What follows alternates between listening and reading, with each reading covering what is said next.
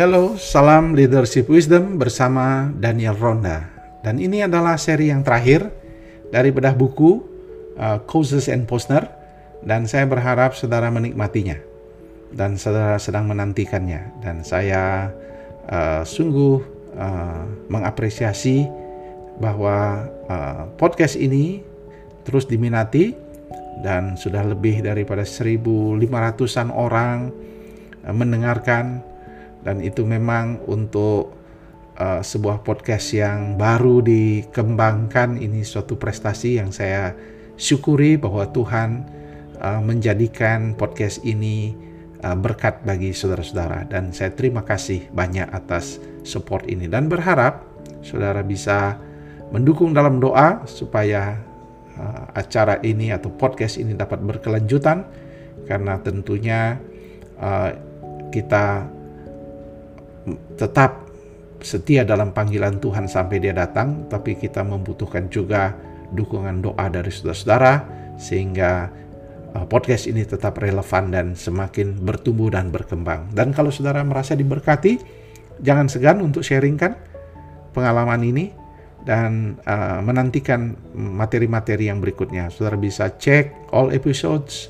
Uh, saudara yang mana saudara minati boleh boleh nonton dengarkan dan saudara tidak memerlukan da paket data yang besar, terutama yang di daerah dan di desa, karena dengan hanya mendengarkan suara saya tidak perlu mendengarkan atau menyaksikan wajah saya dan video yang begitu kadang-kadang paket datanya begitu besar.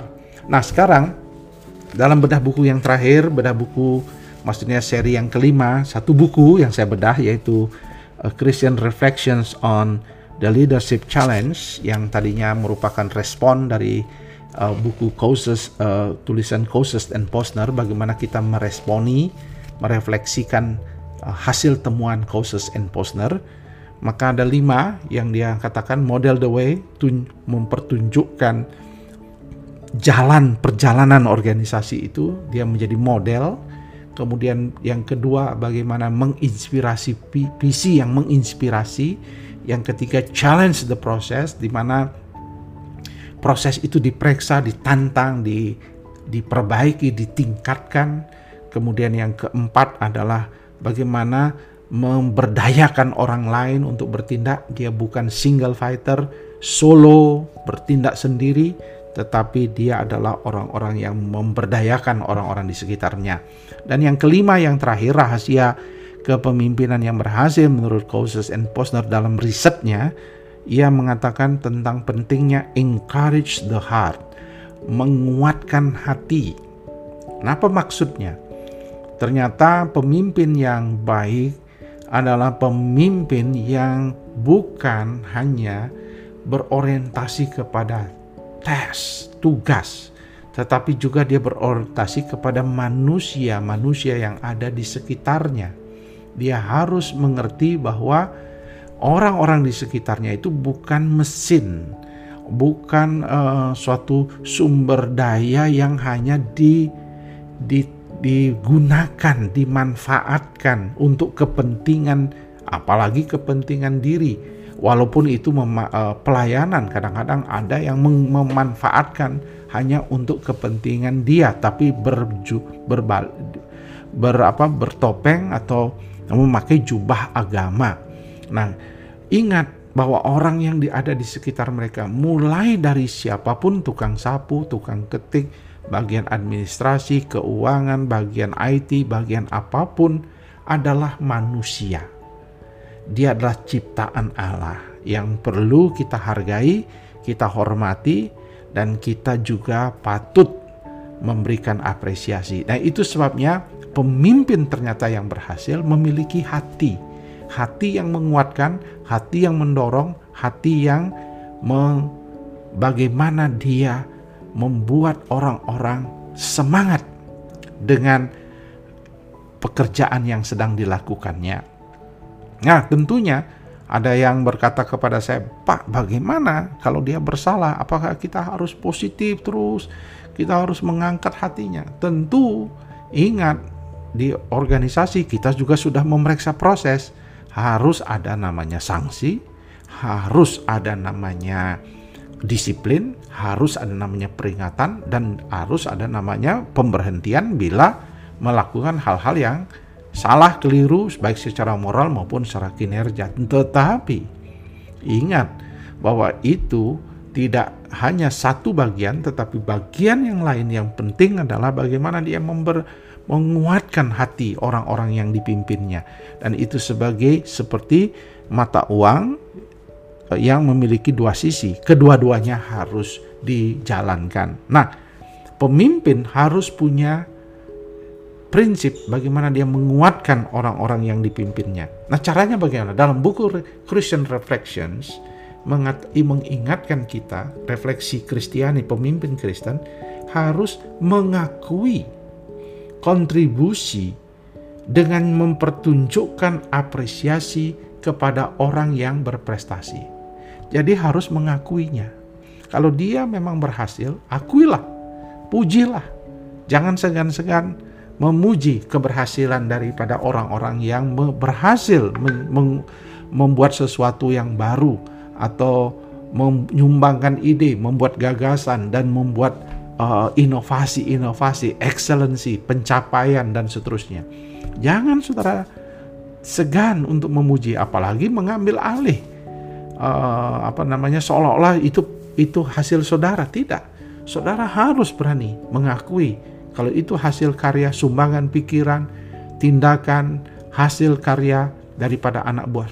Puji hormati hargai perkuat apresiasi publicly secara umum bukan hanya um, ngomong ya terima kasih lalu nanti di publik tidak pernah diapresiasi. Puji secara uh, publik secara umum di depan banyak orang. Katakan saya berterima kasih kepada staf-staf kami tim kepemimpinan ini. Kami mengerjakan ini karena si ada A B C dengan kontribusinya ini.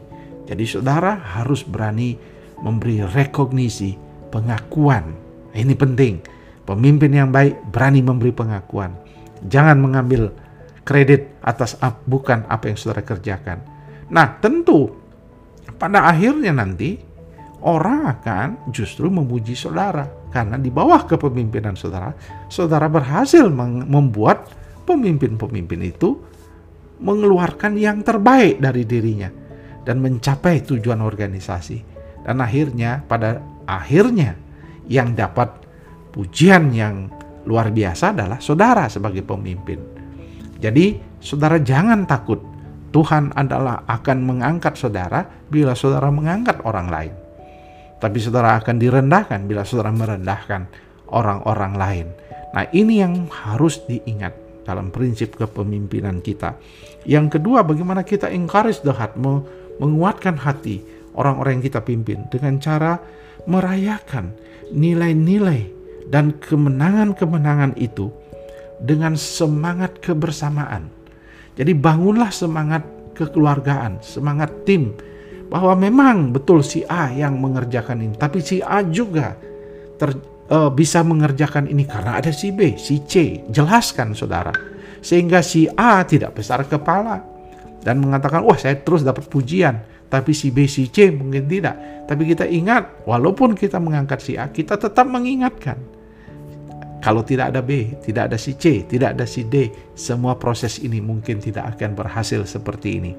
Jadi kita harus menciptakan spirit uh, menciptakan spirit of community, rasa kebersamaan. Ya, roh kesatuan, roh kebersamaan. Bukankah di dalam roh kesatuan ada berkat? Di mana roh kesatuan ada kuasa, penyertaan, keberhasilan dalam pelayanan. Jadi saudaraku yang kekasih, Mari kita merayakan itu dalam kebersamaan.